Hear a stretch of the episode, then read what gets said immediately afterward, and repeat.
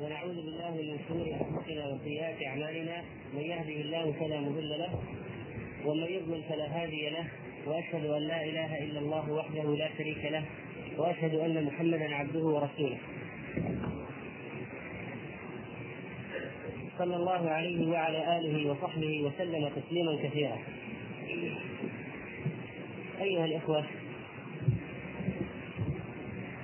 أحمد الله سبحانه وتعالى أن جمعنا معا في هذا المكان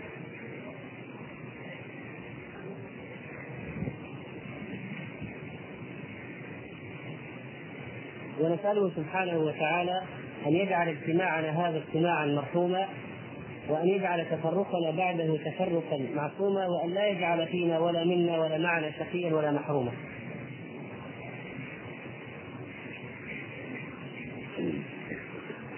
أيها الإخوة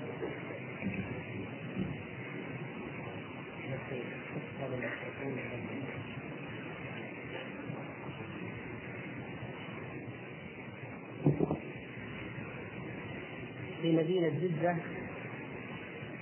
و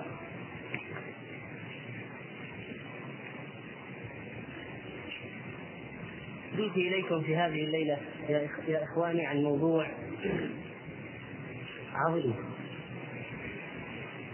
وهذا الموضوع هو باختصار عنوانه ضوابط في إنكار المنكر. أما النهي عن المنكر فإنه من الأمور العظيمة التي أمر الله بها فقال سبحانه وتعالى ولتكن منكم أمة يدعون إلى الخير ويأمرون بالمعروف وينهون عن المنكر وأولئك هم المفلحون وقدمه الله سبحانه وتعالى على الإيمان به فقال عز وجل كنتم خير أمة أخرجت للناس تأمرون بالمعروف وتنهون عن المنكر وتؤمنون بالله وقدمه سبحانه وتعالى أيضا وقدمه سبحانه وتعالى على على إقام الصلاة وإيتاء الزكاة مع أنه فرض كفاية ومع أن إقامة الصلاة وإيتاء الزكاة فرض عين. فقال سبحانه وتعالى كنتم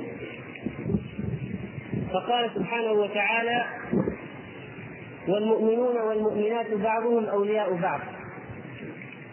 يأمرون بالمعروف وينهون عن المنكر ويقيمون الصلاة ويؤتون الزكاة ويطيعون الله ورسوله أولئك سيرحمهم الله إن الله عزيز حكيم. وبعكس ذلك المنافقين.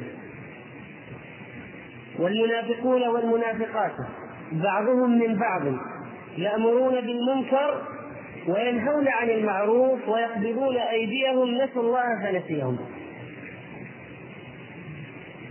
قال أبو هريرة رضي الله عنه كنتم خير الناس للناس تأتون بهم في الأقياد والسلاسل حتى تدخلوهم الجنة وبعث الله الرسل بأعظم معروف وهو التوحيد وأمرهم بالنهي عن أعظم منكر وهو الشرك. ولما فرط بنو إسرائيل في هذا الموضوع ذمهم الله فقال لعن الذين كفروا من بني إسرائيل على لسان داود وعيسى بن مريم ذلك بما عصوا وكانوا يعتدون. لماذا؟ لماذا لعنوا؟ ما هي المعصية التي ارتكبوها؟ كانوا لا يتناهون عن منكر فعلوه لبئس ما كانوا يفعلون. وأثنى الله على أمة من أهل الكتاب بهذا الأمر. فقال عز وجل ومن أهل الكتاب أمة قائمة يتلون آيات الله آناء الليل وهم يسجدون يؤمنون بالله واليوم الآخر ويأمرون بالمعروف وينهون عن المنكر ويسارعون في الخيرات وأولئك من الصالحين. وما يفعل من خير فلن يكفروه والله عليم بالمتقين. وإنكار المنكر سنة نبينا محمد صلى الله عليه وسلم كما مر على صبرة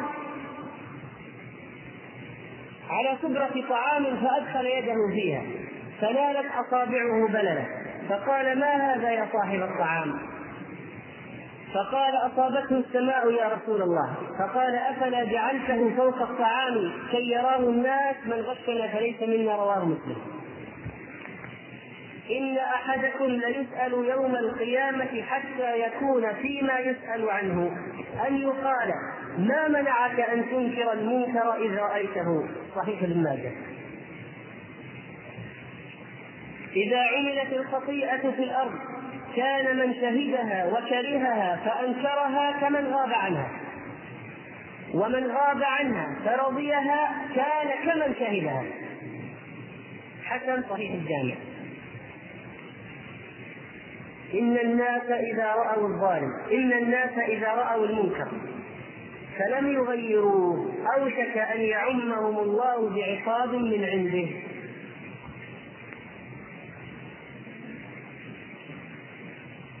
هذا العقاب في التفريط في النهي عن المنكر. وأما الأجر والثواب إن من أمتي قوما يعطون مثل أجور أولهم لماذا يعطون مثل أجور أولهم؟ بأي شيء؟ ينكرون المنكر. رواه أحمد وهو حديث صحيح. والأمر بالمعروف والنهي عن المنكر له فوائد عظيمة أيها الاخوان فمنها أنه سبب للنجاة في الدنيا قبل الآخرة. فلما نسوا ما ذكروا به أنجينا الذين ينهون عن السوء. وأخذنا الذين ظلموا بعذاب بئيس بما كانوا يفسقون. ولذلك تهلك الأمة وفيها الصالحون. يأتيهم العذاب وينزل بهم ثم يبعثون على نياتهم لكن يعم الهلاك الصالحين. لكن لو كان فيهم مصلحون لو كان أهلها مصلحون هل يشملهم العذاب؟ أجيبوني. ما هو الدليل؟ وما كان ربك ليهلك القرى بظلم وأهلها مصلحون. لكن لما سألت أم المؤمنين رسول الله صلى الله عليه وسلم قالت أنهلك أو نهلك وفينا الصالحون؟ ماذا قال؟ نعم إذا كثر الخبث.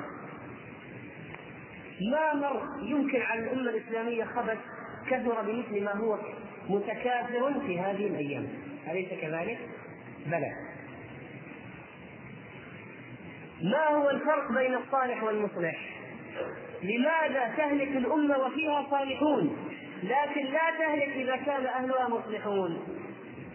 لأن الصالح صلاحه لنفسه غير متعد إلى غيره. أما المصلح فصلاحه بنفسه ومتعد إلى غيره لأنه يصلح غيره. ولذلك كيف تفسد البلد وفيها مصلحون؟ إذا كان أهلها مصلحون إذا كانوا مصلحين كيف تفسد البلد؟ صعب مستحيل. ويجب تربية الأمة أفرادا وجماعات على هذا المبدأ الخطير الأمر بالمعروف والنهي عن المنكر. بل كان ذلك من تربية لقمان لابنه الصغير. حتى الولد الصغير يربى على هذا المفهوم وعلى هذه القضية. وأمر بالمعروف وأنهى عن المنكر. واصبر على ما أصابك. إن ذلك لمن عزم الأمور.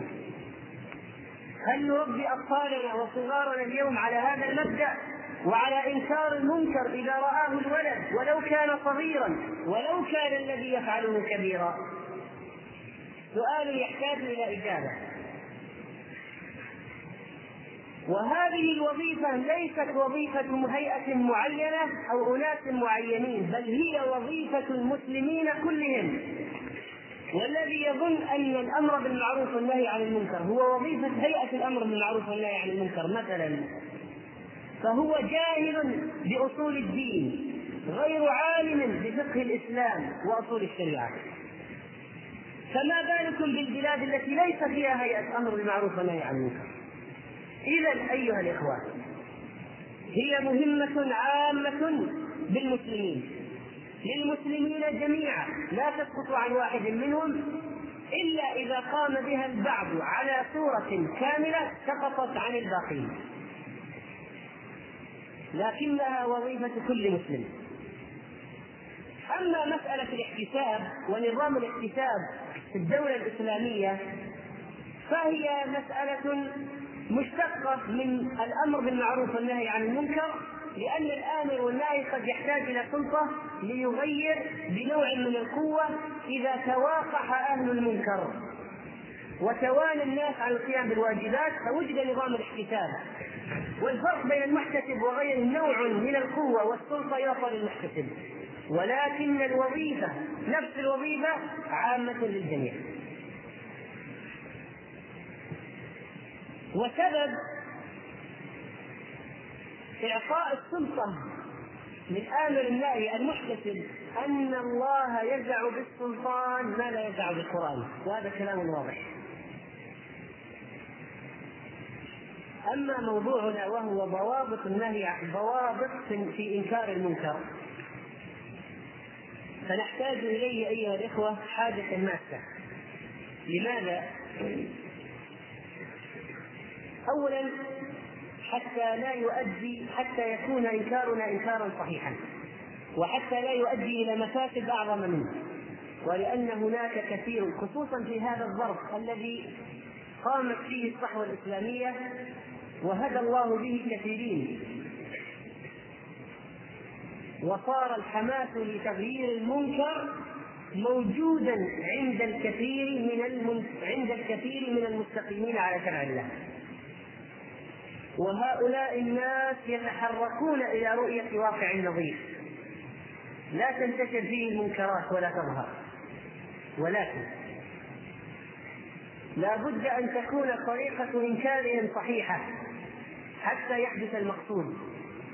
إننا نعيش في عالم بعيد عن شرع الله ولا شك ولا يماري في هذا أحد من العقلاء.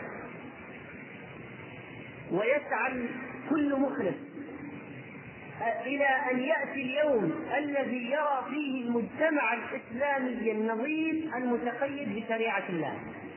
ولكن هذا اليوم لن يأتي هكذا فجأة ولن يأتي مباشرة بدون جهد. لا بد للولادة من مخاض ولا بد للمخاض من آلام ولكن فرحة الولادة تنسي آلام المخاض. فالصبر الصبر أيها الإخوة على هذا الواجب كما أمر الله.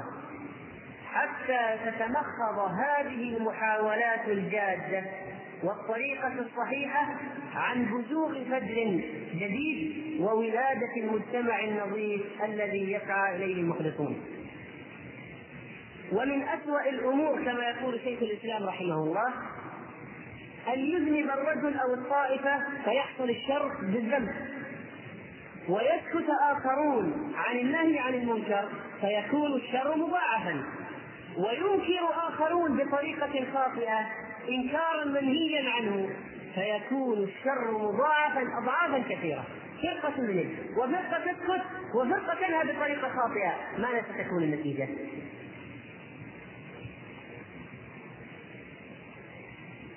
والإخلاص أهم ركيزة.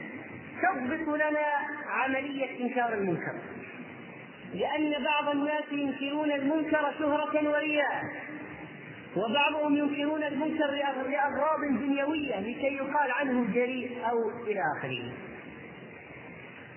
ويتبين ذلك إذا كان هذا الشخص لا لا يفعل المعروف الذي يأمر به ويرتكب المنكر الذي ينهى عنه. أين الإخلاص إذا هذا الذي يفضحه الله على رؤوس الأشهاد وتنزلق أقتابه في النار فيطوف بها كما يطوف الحمار بالرحى حتى يتعجب أهل النار من حاله كما ورد في الحديث الصحيح الثابت الذي رواه اسامه رضي الله عنه عن رسول الله صلى الله عليه وسلم.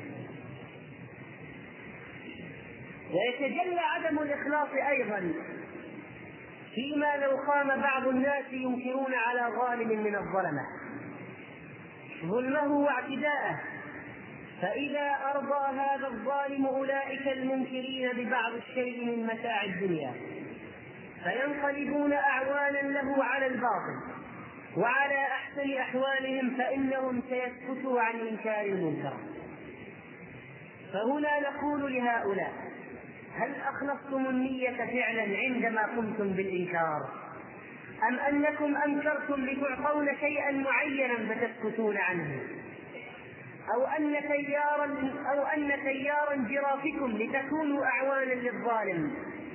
سببه عدم الإخلاص أصلا في البداية ومن فسدت بدايته كانت نهايته فاسدة. وأهل المنكر يحبون أن يوافقهم غيرهم على منكرهم. ولا يحبون أن يكون أحد أحسن من أحد. يريدون من الجميع أن يسايروهم على منكراتهم. فالحذر الحذر. يا أيها يا أيها القائمون بإنكار المنكر من مزالق عدم الإخلاص.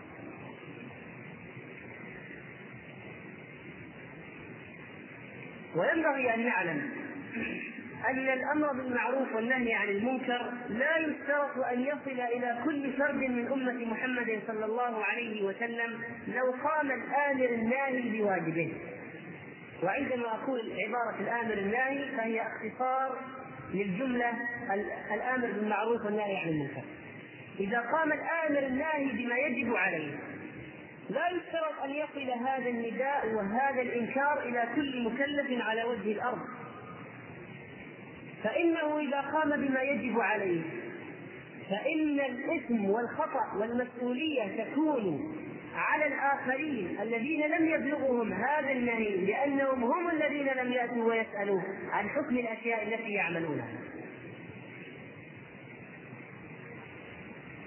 فلا يأتي إنسان ويقول أنا أبقى على ما أنا عليه من الواقع ولا أسأل حتى يأتي واحد ينكر عليه.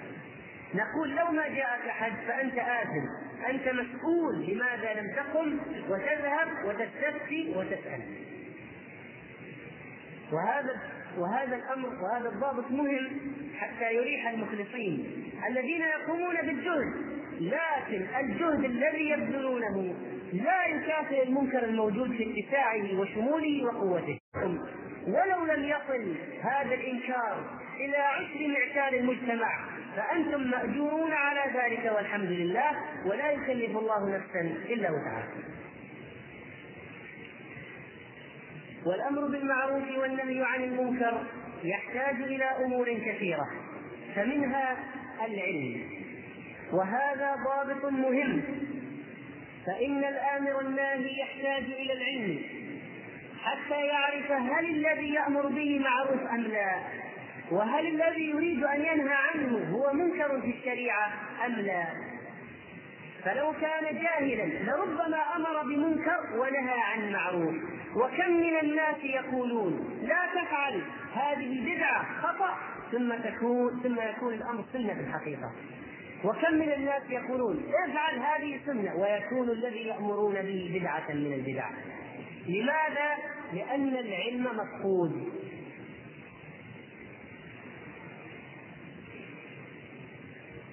فإذا اشتبه الأمر على المسلم فلا يجوز له أن يأمر وينهى حتى يتبين ولا يقدم على الطاعة إلا بعلم. والعلم المقصود هنا ليس فقط العلم بهذا الأمر هو في الشريعة معروف أم لا وهذا الأمر هو منكر في الشريعة أم لا. وإنما يشمل العلم أيضا يشمل العلم بحال المأمور وحال المنهي.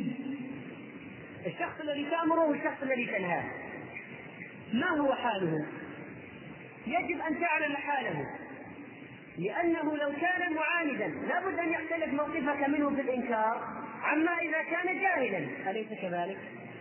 هل يمكن أن تأمر شخصا جاهلا بنفس الأسلوب الذي تأمر به شخصا معاندا؟ أو تنهى شخص جاهل مثل ما تنهى شخص معاند؟ ما يمكن ولا بد كذلك. هذا العلم هو المذكور في الضابط المشهور الذي ذكره العلماء. لا بد للآمر بالمعروف والناهي عن المنكر أن يكون عالما بما يأمر عالما بما ينهى رفيقا بما يأمر رفيقا بما ينهى حليما بما يأمر حليما بما ينهى. قال شيخ الإسلام رحمه الله والعلم قبل الأمر والنهي والرفق معه في الأسلوب أثناء الأمر والنهي. والصبر الحلم الصبر بعده على الأذى الذي يلاقيه الآمر الناهي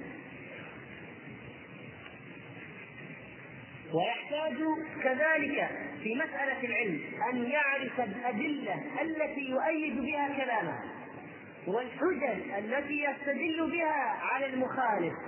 حتى يقيم عليه حجة ويكون الأمر قوي والنهي مستند إلى مستند قوي. ولذا وبذلك يكون تكون العملية فعلا إقامة حجة الله على الخلق. أما أن يكون لا تفعل بدون أدلة بدون تقديم الحجج بدون إقناع ما اكتملت المسألة. هذا قام بجزء من القضية ولكن بقيت عليه أجزاء أخرى.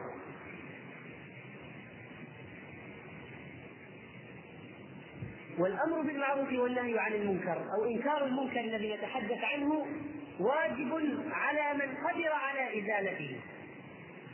فإذا قدر عليه المسلم فإنه واجب عليه خصوصا إذا كان هو الشخص الوحيد الذي يستطيع إزالة المنكر. كما يحصل أحيانا إذا لم يرى المنكر إلا هو وكان يقدر على إنكاره ولو ذهب ليأتي بآخر لفات لفاتت المسألة مثلا فيجب عليه وجوبا عينيا أن يقوم الآن بإنكاره. لا مانع أن يستعين الإنسان بآخرين ولكن المقصود الوصول إلى الهدف وهو تغيير المنكر. أحيانا أيها الإخوة نكون جماعة في مجلس من المجالس. ويحصل منكر من المنكرات. ويقول هذا في نفسه لعل فلان ينكر. ويقول الثاني في نفسه لعل فلان سيتكلم. ويقول الثالث في نفسه لعل فلان سيغير.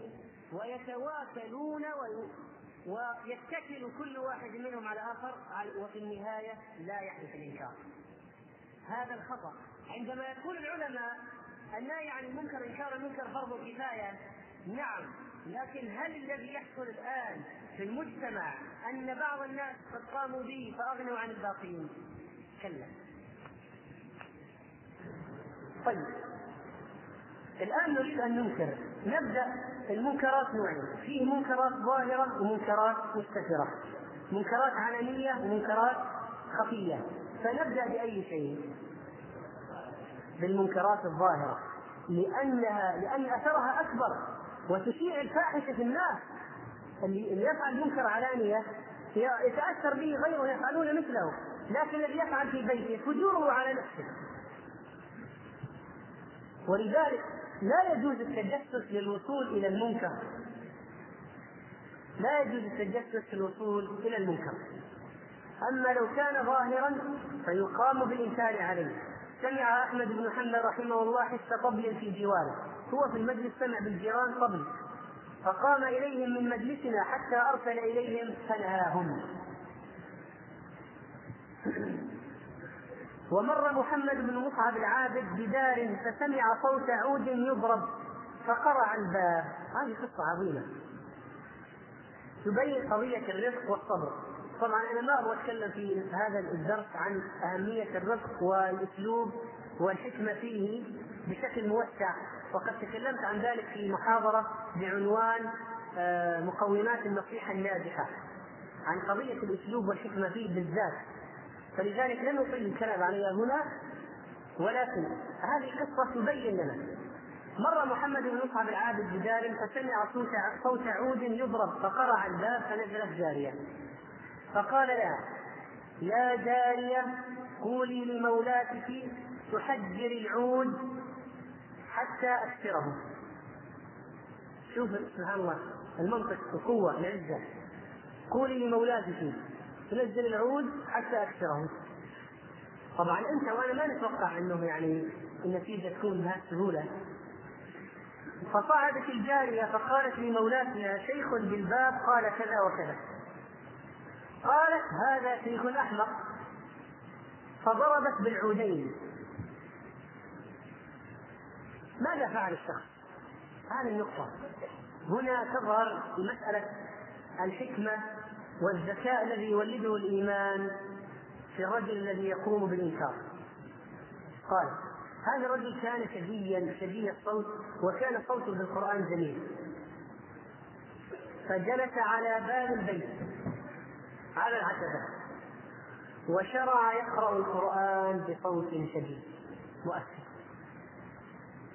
فاجتمع الخلق. كل مرة والناس يسمعون صوت قراءة مؤثرة. سمعوا. من كل مكان سمعوه جاءوا قعدوا يستمعون. فاجتمعت الأصوات بالبكاء. ويقرأ آيات مؤثرة بصوت مؤثر فبدأ الناس يبكون. وارتفع البكاء. لمن وصل الصوت؟ إلى المرأة في البيت فسمعت المرأة الضجة فسألت الجارية قالت الجارية يا مولاتي تعالي انزلي واسمعي. شوف صاير تحت. فلما سمعت موقف الآن يعني ناس تحت يبكون صياح وعالم مجتمعين قرآن وهي تعزف بالعود قالت احجري العودين حتى يكسرهما. نزلوه خذ خذ نزل العود كسره لن نعدم أيها الإخوة وسيله جميلة وحكيمة في إنكار المنكر لو بحثنا بدقة وفكرنا بتأن واستعنا بالله قبل كل شيء. المشكلة العنف الذي يستخدمه البعض فيحطم كل شيء. وسأتكلم عن هذا بعد قليل. مرة من المرات كان في مكان حفل، حفل سيء، منكرات، مجتمعين على منكرات، ووجهت الدعوة وانتشرت الدعوة في المكان الفلاني في الليلة الفلانيه نصحوا هذا ما في فائدة هذا القائل قائل. طيب. فذهب رجل من الصالحين من المؤثرين قبيل موعد الحفلة. فوقف عند الباب. فلما بدأ الناس يتوافدون إلى المكان قام يخطب خطبة مؤثرة يعظهم ويذكرهم ويتلو عليهم آيات العذاب ويتلو عليهم الآيات اللي فيها غضب الله وانتقام الله. ويتكلم ويذكر ويعظ ويخوف الناس. فالناس بدل أن يدخلوا من الباب وين راحوا؟ عند الرجل. قعدوا يستمعون. وبدأوا يدخلوا تجمعوا تجمعوا تجمعوا لجوا قال شوف الناس. مالك وين الناس؟ قالوا بالبر هذا شوف. طبعا الآن ما يمكن يعني عالم متجمعين واحد يعرض يذكر الجنة والنار وجوا بيشتغلون بهذا؟ ما يمكن. ألغيت الحفله ممكن ما تلغى في بعض الأحيان لكن المهم إيش؟ حاولنا سوينا شيء. ما في مضرة فيه حكمة حتى نمنع وقوع المنكر. لكن لو كان المنكر خفيا فلا يجوز أن نتجسس سئل الإمام أحمد عن القربة المغطاة. شفنا قربة مغطاة مع واحد. هل يجب؟ يقول له تعال فكها يمكن فيها خمر. فقال لا تعرف له. لكن ولذلك ما نتجسس. نقول نشوف من الباب هذا هل في واحد فيه نساء أجنبيات بنحط نسجل ونسجل كلام ونشوف إيش اللي قاعد يصير لا ما يجوز التجسس. لكن لو وصل إلينا خبر بطريق غير مباشر أنه يوجد في هذا البيت منكر. يعني بغير تجسس هكذا بطريقه عادية جاءنا خبر أنه في هذا البيت فيه منكر. هنا نقوم بالإنفاق نطرق عليهم. يا جماعة طبعا نتاكد الأول لأنه قد تكون الخبر إيش؟ كذب. قد يكون إشاعة وقد يكون القائل وهم أو أخطأ فأول شيء نتأكد. فإذا تأكدنا فرقنا عليهم. يا جماعة اتقوا الله سمعنا كذا وكذا ما ي... ونبدأ نعلمهم نبين لهم ننكر عليهم. ولو استطعنا ننكر بالقوة لأنكرنا بالقوة. لو استدعينا أن نستطيع نستدعي الهيئة استدعينا الهيئة. وقامت باللازم. الشرطة الجهات المسؤولة لتقوم باللازم. لكن لو كان المنكر الخفي هذا متعديا ضرره إلى آخرين. مثلا الناس عندهم مصنع خمر في البيت. أو يزرعون الحشيش مثلا الأفيون يصنعون المخدرات هل نقول والله ما لنا شغل ما دام لا أعلم المنكر إحنا ما ندخل إحنا ما ندخل في الاشياء الخفيه لا. هذول بلغ هؤلاء على البلد وعلى أهل البلد. فلا بد من القيام والاتصال بالجهات المسؤولة والتي التي التي نقدر أنها ستفعل شيئا وتغير. حتى حتى يزول هذا الأمر وإلا مشكله أن يكون هذا في البيت ونحن نسكت. مثال آخر.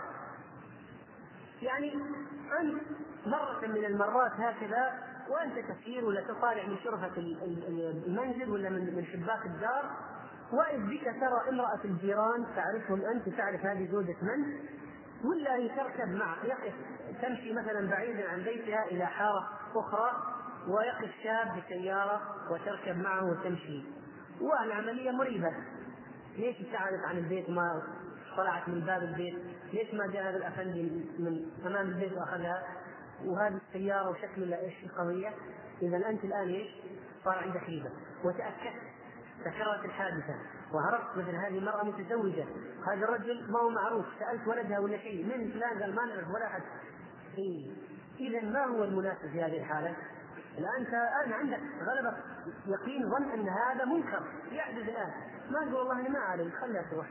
كيف بجنن لا يا أخي بجنن وانت يمكن انت ترى الآن منكر. ما يجوز. يمكن انت بعد تروح وراه طيب. ببساطة نكتب رسالة.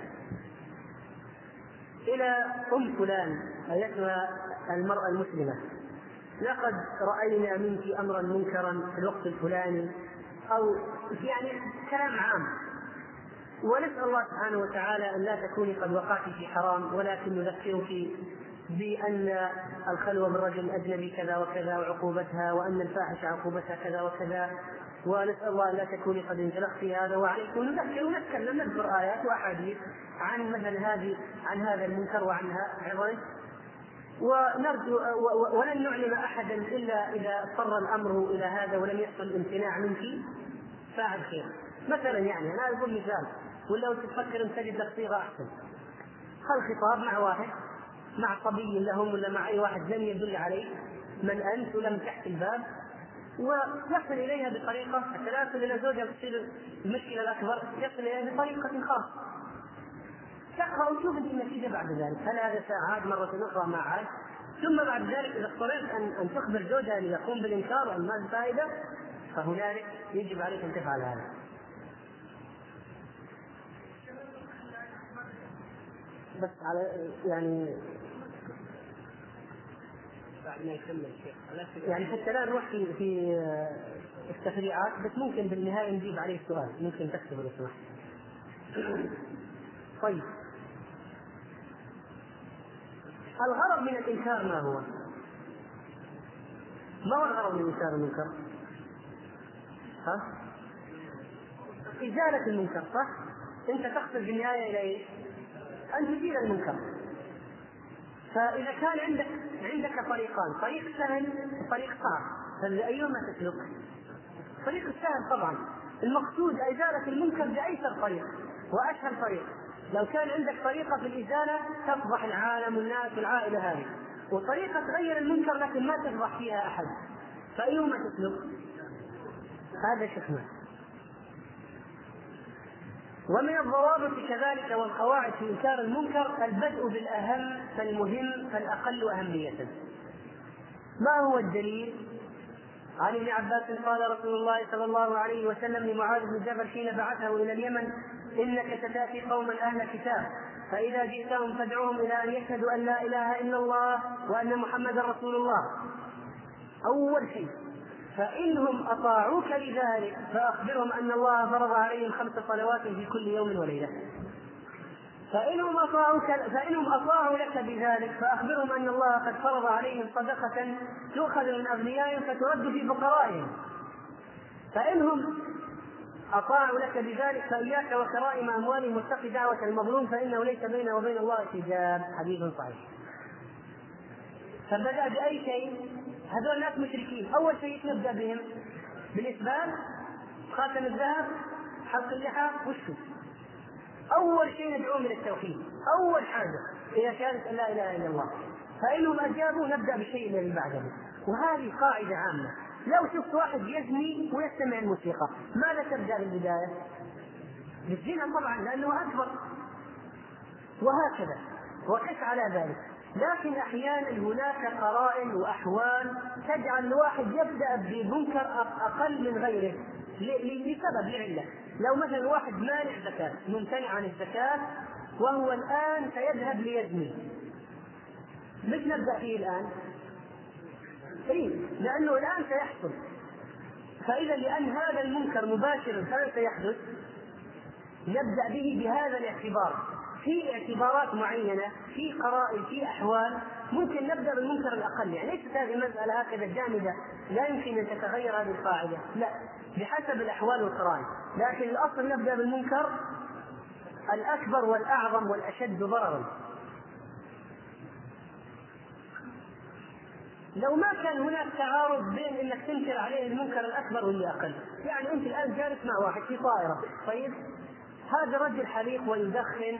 ويعني مثلا ولا يصلي مع الجماعة أو لا يصلي. طيب؟ أو لنقل يعني نجيب مثال آخر آه يفعل منكر من المنكرات أعظم من التدخين وحلق اللحيه. أنت الآن جالس معه في هذه الطائرة بعد قليل ستصلون البلد وخلاص يمكن لا تراه تتفرق وتروح كل واحد في فإذا ممكن أقول له يا أخي أبدأ معك بنصحك بالشيء الفلاني كذا كذا كذا أبدأ بالآن. بعد فترة قال جزاك الله خير وخلاص طيب. أو قال يعني إن شاء الله معليش. ممكن ننكر عليه المنكر الأقل ما في مانع لأنه ما يتعارض. ما يتعارض أن أقول له الآن الأشياء لأنه قد لا أرى بعد ذلك حتى أتدرج معه. التدرج مهم ومطلوب لكن لو أنك في فرصة من الفرص ما عندك وقت تتدرج لأنه هذا الرجل أمامك. بعد قليل لن تراه. فممكن تقول له الأشياء تقول يا أخي بنصحك بعده نصائح. الأولى تبدا بالأهم الثانية كذا وكذا الثالثة كذا وكذا وأنا إنسان ما ارى اعرفك وقد لا القاك بعد هذا والسلام عليكم ورحمة الله تمشي شيء طيب ما في وحتى نعلم أيها الإخوة يكون عندنا تصور ما هو إيش الضوابط اللي نعرف فيها المنكر الأكبر من المنكر الأقل أهمية؟ فهناك تقسيمات عند العلماء. مثلا العلماء يقولون أعظم شيء في المنكرات الشرك بالله. ثم ثم البدعة. ثم قتل النفس مثلا يعني. ثم تبدا الفواحش الكبائر بالتدريج طيب وبعضها أشد ضررا من بعض. السحر مثلا السحر هذا شرك أعظم من قضية آه، عقوق الوالدين مثلا. طيب هذا اعتبار. مثلا الشرك البدعة الفواحش الكبائر تبدأ مرتبه أحيانا في يعني تقسيم آخر ممكن تستعين به. يقول شيخ الإسلام رحمه الله المنكرات أقسام ثلاثة أقسام. منها ما فيه ظلم للناس مثل غصب الأموال. ومنها ما فيه ظلم للنفس فقط مثل شرب الخمر. ومنها ما يجتمع فيه الأمران. كرجل يسرق أموال الناس ليزني بها ويسرق فأي واحد اعظم الآن؟ ها؟ وش يا جماعة؟ آخر واحد صح؟ هذا يسرق أموال الناس فإذا نبدأ به لاحظ هنا صار الضرر الأكبر أو الأعظم اشترك فيه ظلم النفس مع ظلم الآخرين إذا هذا اعتبار آخر المسألة إذا تحتاج إلى فقه في الدين ونحتاج نعرف ما هو الأعظم وما هو الأخطر وما هو الأكبر. بعض الناس لو رأى واحد يبغى يزني واحد يطوف في القبر يقول لا خلينا يطوف في القبر. زنا يا شيخ هذا الزنا طيب يا أخي أنت تعلم قضية الطواف في القبر هذه تؤدي إلى إيش؟ إنها شرك أكبر وإنها تخرج عن الملة وإنها أعظم من الزنا. طيب.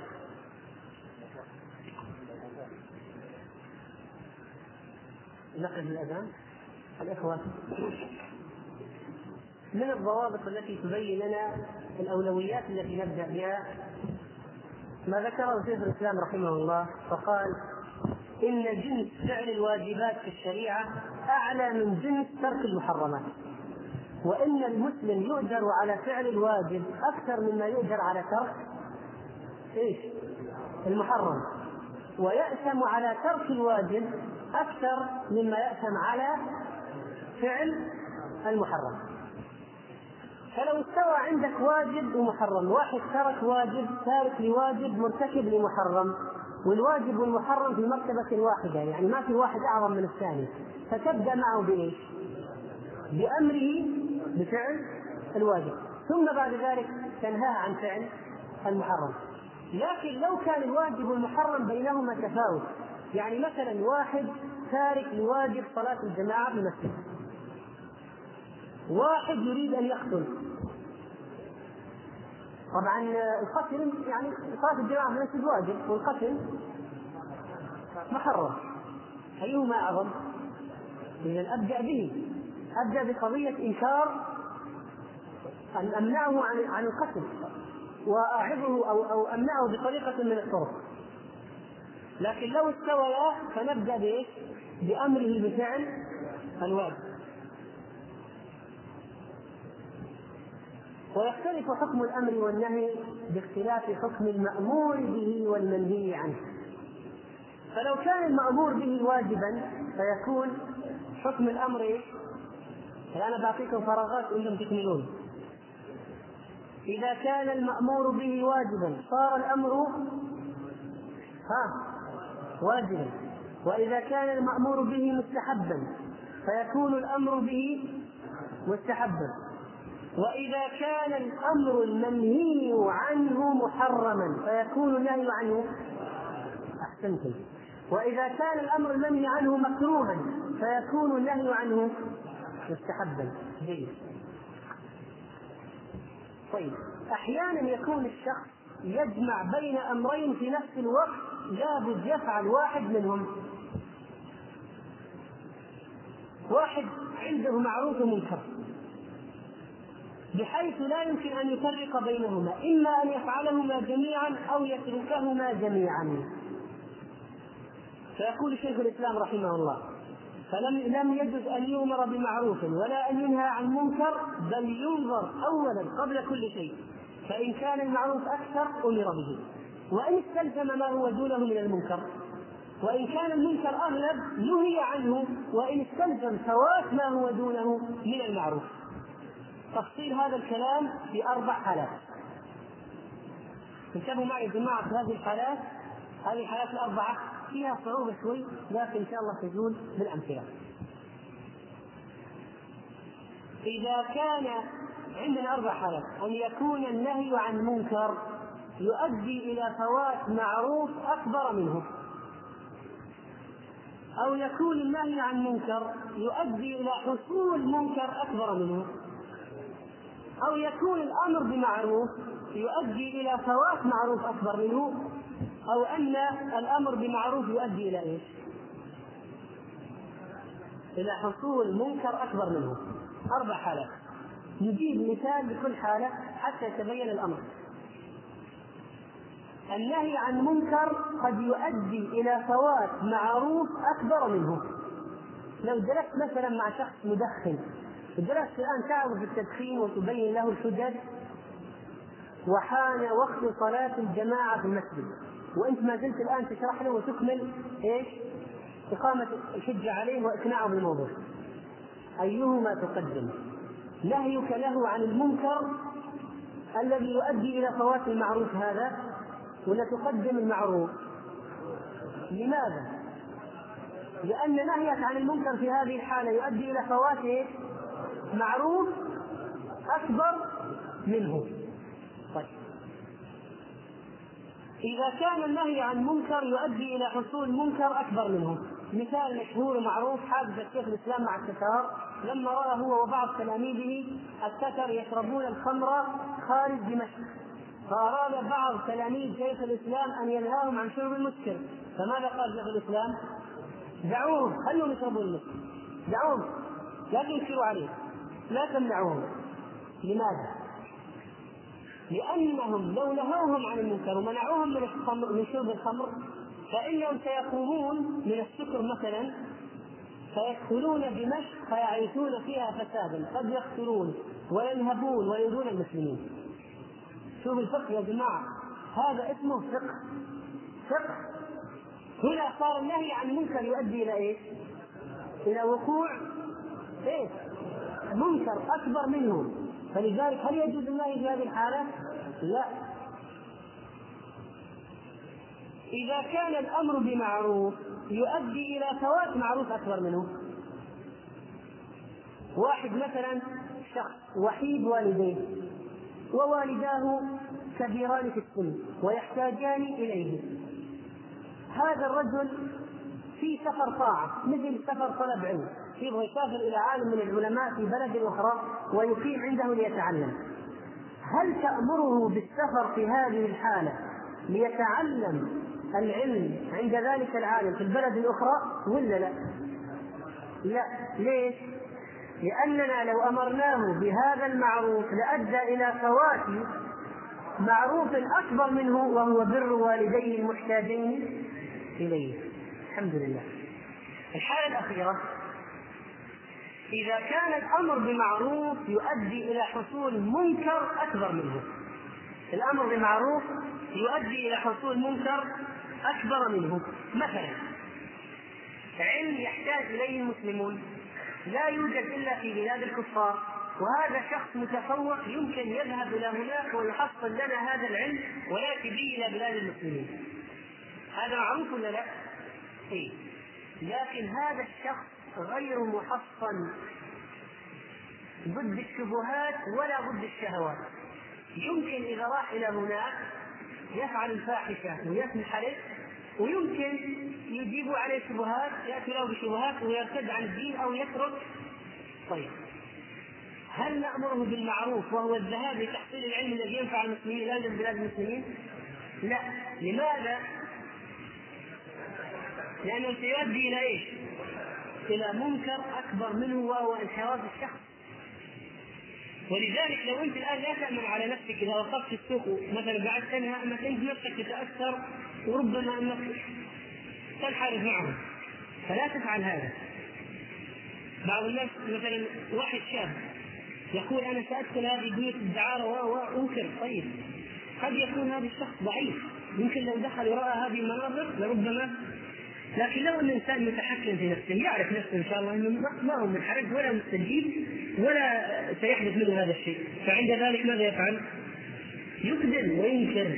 يقدم وينكر. طيب الآن بسألكم أسئلة وأنتم تجيبون.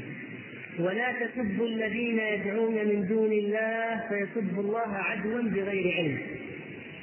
هذه مثال على أي حالة؟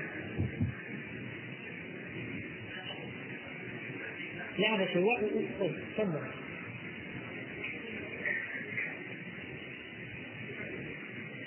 طيب سب آلهة المشركين وشو؟ نهي عن المنكر، لأنك إذا سبيت آلهتهم معناه أنت عن هذا المنكر. لكن سب الآلهة اللي هو نهي عن المنكر يؤدي إلى إيش؟ وهو سب الله عز وجل إذا كانوا أولئك لا يرعون حرمة ولا شيء. لو قلت له لا تفعل كذا مثلا لو قلت لي فلان يا أخي يعني مثال. واحد غاضب وحمقي انسان يعني يعني إذا غضب فإنه لا يبالي بأي شيء امامه وممكن ينطق بكلمات الكفر مباشرة. لو قلت له وهو غضبان في غاية الغضب قلت له اذكر الله يا أخي. ماذا يؤدي؟ روح أنت واوا إلى آخره من كلمات الكفر. فهل يجوز له لك أن تقول اذكر له تقول له اذكر الله وهو غضبان؟ لا لأنه سيؤدي إلى إيش؟ ممتاز إذا لا نأمر إذا هذه حالة إلى إلى أمر بمعروف يؤدي إلى إيش؟ إلى منكر أكبر منه لو وجدت رجلا يخل بالعبادة لكن لو نهيته عن هذا الإخلال لترك العبادة بالكلية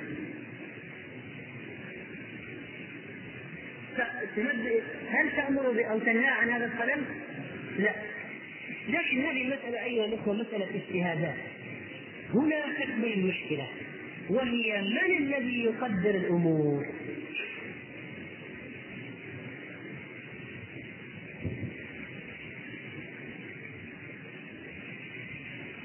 سنعود إلى هذه النقطة بعد قليل لماذا ترك الرسول صلى الله عليه وسلم عبد الله بن أبي رأس المنافقين يعيش فسادا؟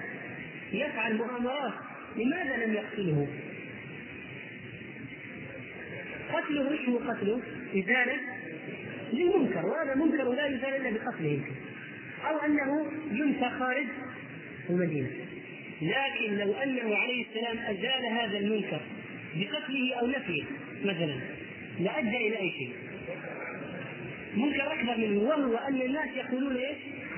محمد يقتل أصحابه فيكون عائقا لهم عن الدخول في الإسلام.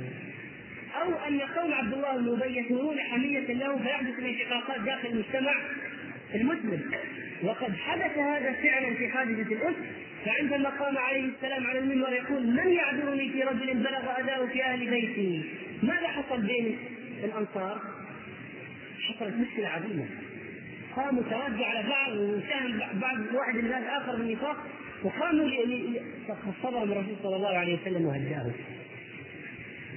وهذا عبد بن ابي في غزوة المريسيع اللي غزوة بني المصطلق التي حدث فيها حادثتان مهمتان قال لئن رجعنا إلى المدينة ليخرجن الاعز منها الأذل ولا تنفقوا على من عند رسول الله. واتهم عائشة بالإفك مع صفوان بن المعصم السلمي رضي الله عنهما وهما من هذا هذا الشيء بريئان ومع ذلك الرسول صلى الله عليه وسلم ما ما فعل شيئا. وترك الرجل مع أن سورة المنافقين نزلت في فضح عبد الله بن أبي. واضح أنه هو الذي افترى وهو الذي قال أن الله يقول يقولون لئن رجعنا إلى المدينة ليخرجن الأعز من الأذل. إذا جاءك المنافقون قالوا واضح الآن فضح عبد الله بن أبي صار معروف يسمى عليه ولكن الرسول صلى الله عليه وسلم مع ذلك ما قتله. لذلك عمر لما قال الرسول صلى الله عليه وسلم أقتل المنافق مر سيدا بن مر فلان يقتله. بعد فترة من الفترات لما سكت عنه عليه الصلاة والسلام قال قول عبد الله بن أبي بعد ما وضح لهم الأمر وأن الرسول عليه الصلاة والسلام سكت مع أن الرجل كفر وقال كلمة الكفر وهو عليه السلام سكت صار عندهم نوع من الحياة. صار إذا قام عبد الله بن أبي بشيء صاروا هم الذين يقومون عليه. ما يحتاج الرسول الصحابة الباقين من المهاجرين يقومون عليه. صار قومه هم الذين يقومون عليه. فقال عليه الصلاة والسلام لعمر أرأيت لا يا عمر؟ لو أمرت بقتله في السابق لأرغمت له آنف أو لأرغمت له آنف لو أمرتها اليوم بقتله لقتلته شوف الحكمة. لو قتلت في ذلك الوقت كان الناس مثلا هذول باقي فيهم نوع من العصبية قال ليش يقتل واحد من قومه نحن كذا؟ لكن لما سكت عليه قال لو أمرتها اليوم تلك النفوس التي كانت تحدث فيها شيء لو أمرتها اليوم بقتله لقتلته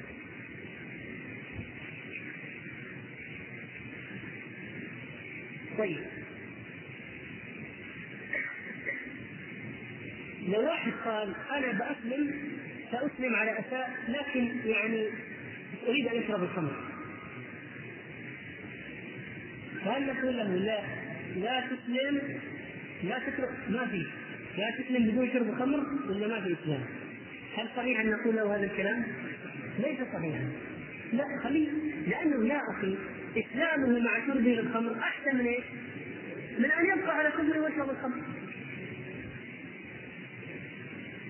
طيب شوف أنا الآن أريد أن أكرر الأمر بالامثله حتى توضح القضية. واحد دخل في الإسلام حديثا. قلنا له لو أمرناه بالختان وش الختان يا أخي؟ هذه عملية جراحية يمكن يعني وقد يحصل له مضاعفات صح ولا لا؟ يعني الآن واحد تو داخل في الإسلام يقول عليك نأمر بالختان هل يجوز أن نأمر بالختان إذا توقعنا؟ لاحظ إذا توقعنا. الأصل نأمر لأنه مسلم وجب عليه. لكن لو توقعنا أن يؤدي ذلك إنه يخاف يقول له عمليا وضع ثلاث شهور في السرير والى آخره؟ لا. هل يجوز أن نأمر بالختان ونحن نتوقع أن يكون هذه سبب في ارتداده مرة أخرى؟ لا. لو قلنا له عندما يسلم يجب أن تفارق زوجتك في الفلبين لأنها كافرة. ولا هم يحل لهم ولا هم يحلون لهن. وما يجوز يكون تحتك امرأة بوذية وثنية.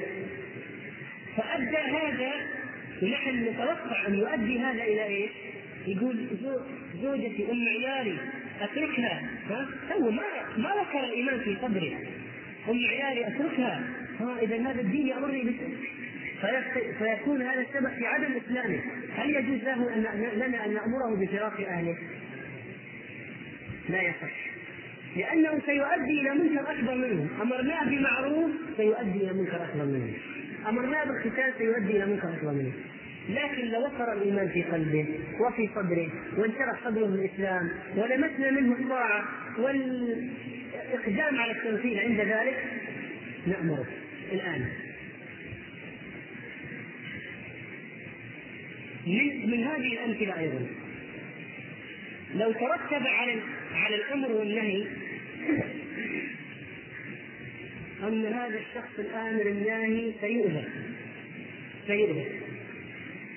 أذى شديدا بحيث يقول في النهاية أتوب من هذا الأمر والنهي. أو إذا أمر لها سيشتد عليه الأمر بحيث يعني لو قام وتكلم في موضوع قال هذا حرام كذا كذا. في موضوع مثلا في حساسية معينة. فتوقعنا أو توقع هذا الشخص أنه بعد ذلك لو قال هذا الكلام سيجاء به ويرغم على الاعتذار أمام الناس عما قاله والتراجع عنه على نفسه فهل يتكلم ولا لا؟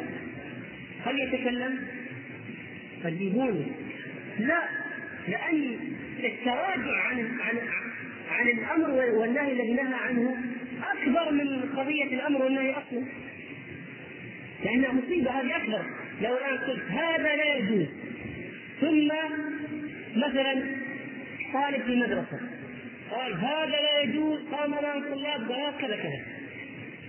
وهو يعلم ويتوقع أن المدير سيأتي به ويشد عليه ويرغمه ويجبره على أن يقول أمام التلاميذ مرة أخرى يقول يا أيها الطلاب أنا أعتذر مما بدر مني من الخطأ ومن الكلام الفاضي وأنا أرجع عن كلامي والشيء اللي أنا قلت ترى ما هو جائز لا هو جائز السكين حلال طيب هل هذا الموقف أشد ولا سكوته أصلا أشد؟ الموقف هذا أشد لذلك لا ينبغي له أن يقوم أساسا ويتكلم. وبالخلاصة يقول ابن القيم رحمه الله انكار المنكر أربع درجات أن يزول ويخلفه ضده. يزول المنكر ويجي وراه إيش؟ معروف. ثانيا أن يقل وإن لم يزل وإن لم يزل من جملته يعني يقل المنكر لكن لا يزول نهائيا. ثالثا ان يخلفه ما هو مثله يروح المنكر ويجي منكر مثله. رابعا ان يخلفه ما هو شر منه؟ فالحالة الأولى ما حكمها؟ مشروعة واجبة. والحالة الثانية أن يخلفه ما هو يعني أقل منه؟ يقل المنكر؟ فهي أيضا مشروعة. والحالة الثالثة أن يخلفه ما هو مثله؟ موضع اجتهاد. والحالة الرابعة إيش؟ حرام. ما يجوز أن ننهى عن منكر يؤدي إلى أن يخلفه شر منه. لكن الآن نرجع إلى المسألة التي توقفت عندها قبل قليل.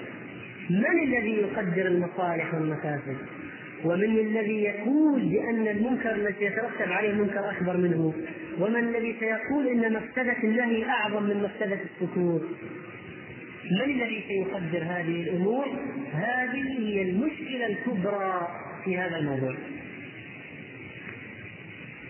صحيح أن المسألة مسألة مصالح ومفاسد والمصالح والمفاسد معتبرة شرعا والشريعة بنيت على هذه القضية على جلب المصالح ودرء المفاسد. يقول شيخ الإسلام رحمه الله فمتى قدر الإنسان على اتباع النصوص لم يعدل عنها؟ يعني لو وجدت الحاله هذه في نص كريم وإلا اجتهد رأيه لمعرفة الاشباه والنظائر وقل أن تعوز النصوص من يكون خبيرا بها وبدلالاتها على الأحكام.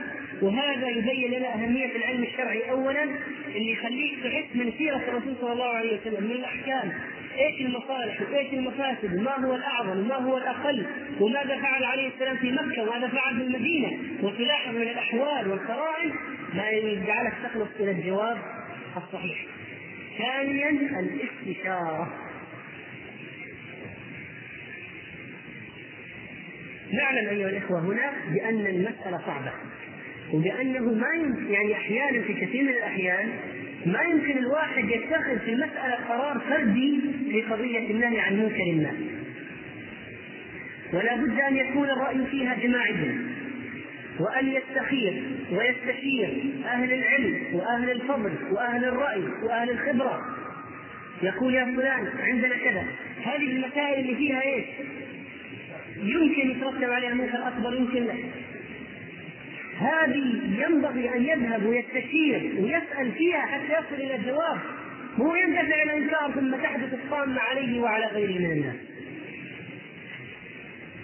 لا تفعل يا أخي تتهور لوحدك. تقول يلا هذا منكر كسر حصل تريح فكر تدبر تعلم اسأل شاور أهل الأمر. لكن في نفس الوقت ما نقول لك لو شفت واحد يدخن لا تنكر عليه لأنه يمكن يترتب عليها مفسدة إنه مثلا آه، يذل الدخان في الدكاكين وبعد لا. هذه مسألة يحتاج لا. يعني المسائل العادية. يعني أقصد يا جماعة أقول لا تعني هذه الضوابط الآن إنه اي لا. لا تنهى عن أي منكر. انتظر تريح لا تستعجل. لا. فتفوت. تفوت الأوقات وتفوت المنكرات. وأنت الآن جالس تفكر. لا. المنكر الواضح. يعني في أشياء واضحة صح ولا لا؟ في أشياء واضحة. ليس كذلك؟ يعني ما يحتاج إنك يعني تستفتي فيها وتسأل. لكن في أشياء فعلا صعبة، في أشياء حساسة، في أشياء مستواها رفيع، في أشياء خطيرة مهمة عامة. ليست قضية خاصة فرديه بشخص معين ولا كذا. المسألة الجواب غير واضح. هذه ينبغي أن تسأل أهل العلم والخبره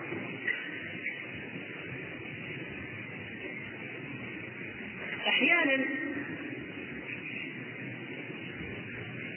في مفاسد متوهمة. يعني نفس النقطة هذه. بعض الناس يقول يمكن ترتب عليها مفسدة. يفكر. يطلع له مفسدة فتكون المفسدة متوهمة. ولا تحصل. لا المفروض أنه ينكر. وأن هذه المفسدة هو كبرها مثال. واحد من المنافقين في غزوة تبوك لما أمر الرسول صلى الله عليه وسلم المسلمين الخروج رفض أن يخرج. ما هي حجته؟ قال ائذن لي ولا تفتني يقول أنا إذا رحت معك يا رسول الله إلى قتال الروم أخاف على نفسي من نساء الروم الجميلات في القتال إني أقع فيهم ها؟ فلذلك ما بخرج معك الجهاد في سبيل الله؟ لأني لو خرجت معك في هذا المعروف لترتب عليه منكر أكبر منه أو مفسده أكبر وهي اني أقع في نساء بني الأصفر. إيش رأيكم بهذه المفسدة؟ ها؟ خيالية. واحد مع الجيش. ولو كل واحد قال نخشى ونخشى ما تغير شيء. فإذا المسألة حق بين باطلين ووسط بين طرفين فانتبهوا يا عباد الله. قدر المصالح المفاسد شوف وفي نفس الوقت لا تجيب مفاسد متوهمة وتتخوف. يمكن يصير ويمكن يحصل ويمكن كذا ما أبغى أنكر. وفي نفس الوقت ما تتهور. تقول لابد اقذف أفعل حصل كسر سوي غير في اليد ثم في النهاية تكون العاقبة ليست لك بل هو ارتفاع لعلم الشيطان بزيادة ونحسة لأهل الإيمان.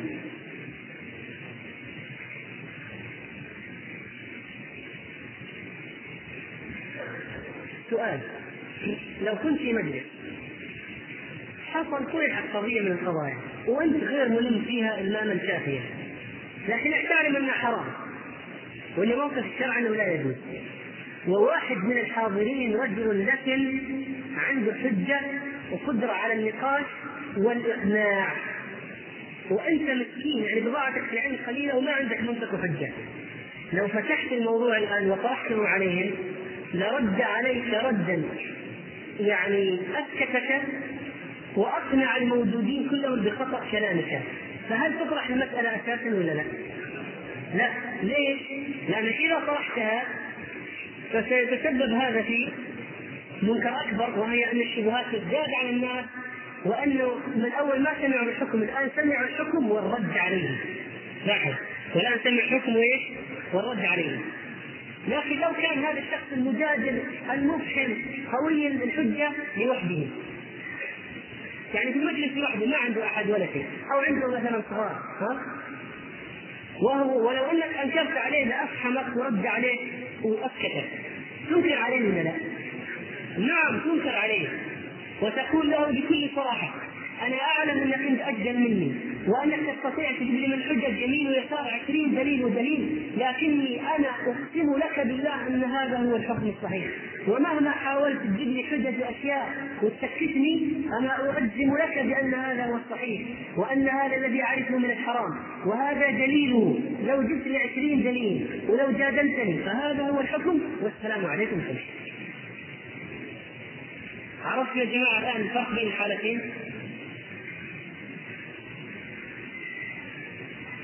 أحيانا يجوز الإنسان يرتكب منكر لتحصيل مصلحة أكبر منه عبد الله بن حذافة السهمي قبل رأس ملك الروم عظيم الروم صح ولا لا؟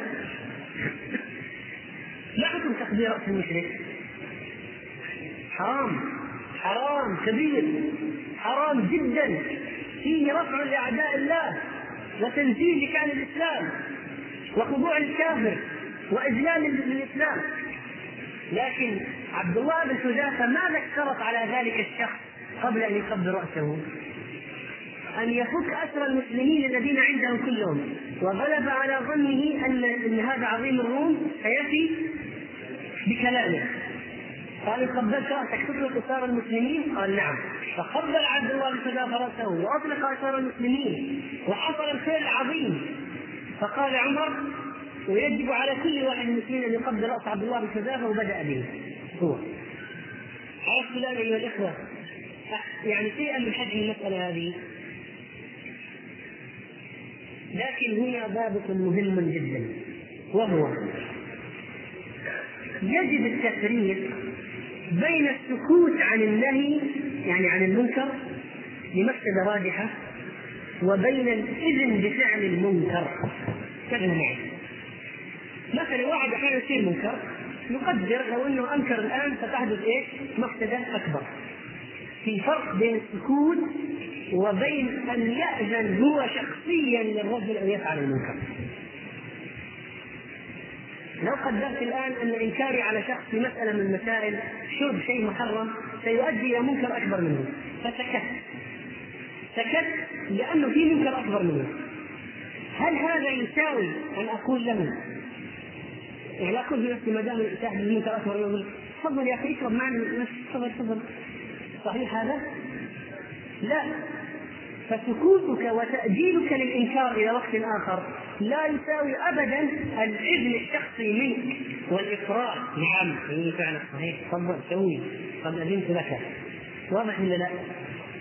فلا يعني سكوتك عن النهي الآن وتأجيل الإنكار لا يعني انك إنك يعني تأذن له شخصيا بلسانك وتقول له اعمل تفضل لكن قد يفهم منه إنه ما عندك مانع قد يفهم منه. لكن غير لما أنت تتكلم بلسانك إيه؟ نعم تفضل ما في